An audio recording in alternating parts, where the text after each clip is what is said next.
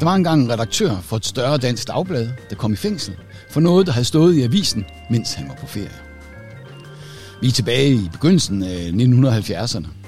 Retligt set var der sket det, at pornoen var frigivet. Det var ikke længere strafbart at skrive pornografisk, eller tage eller offentliggøre pornografiske billeder.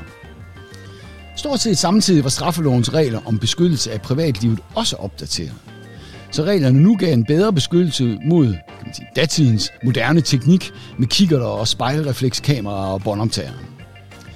Overordnet kan man sige om disse retlige ændringer, at de var mere liberale i forhold til den frivillige gengivelse. Hvis man gerne vil skrive eller læse erotisk eller pornografisk materiale, eller hvis man gerne vil se på nøgenbilleder eller selv stå model, ja, så står det jo folk frit for. Der er ingen moralsk øh, paternalisme. På den anden side beskyttes øh, stærkere mod ufrivillig indgriben i privatlivet. En styrkelse af selvbestemmelsen, kan man sige. Det er i vidt omfang øh, fortsat denne tilgang, der gælder. Altså, ingen straf for frivillig deltagelse, men beskyttelse af den ufrivillige og tvungne. Tilbage til sagen. Nogle unge mennesker er på ferie i et sommerhus. Der bliver taget en del billeder af et ungt par i sengen. De ved til synligheden godt, at der bliver taget billeder, men der er ikke indgået nogen aftale.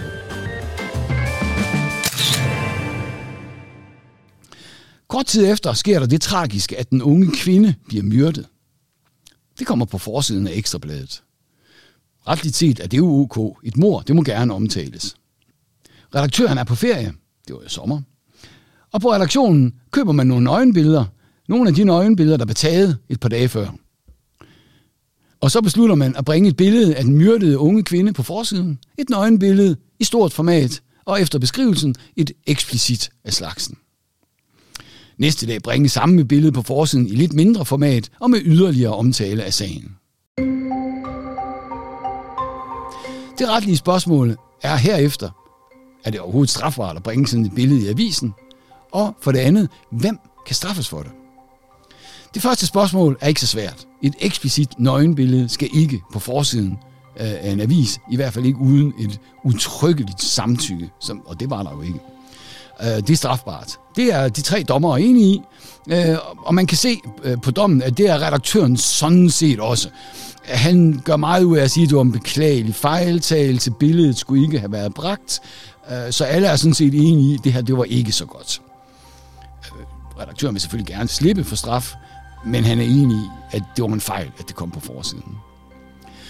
I spørgsmålet om strafbarhed gemmer sig et spørgsmål om samtykke. Den unge kvinde havde formentlig accepteret, at billederne blev taget.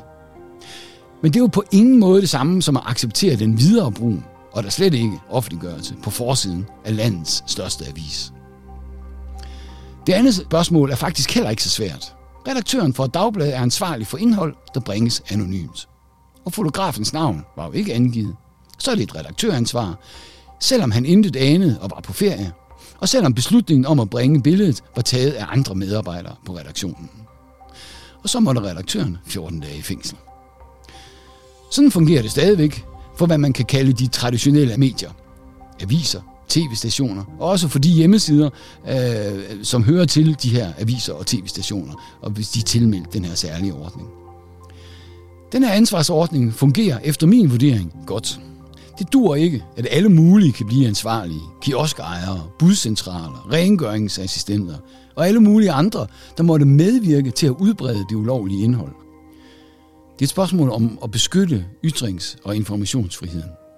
Og det gør man ved, at det er redaktøren, der i sidste ende tager beslutningen, og i sidste ende er det redaktøren, der har ansvaret.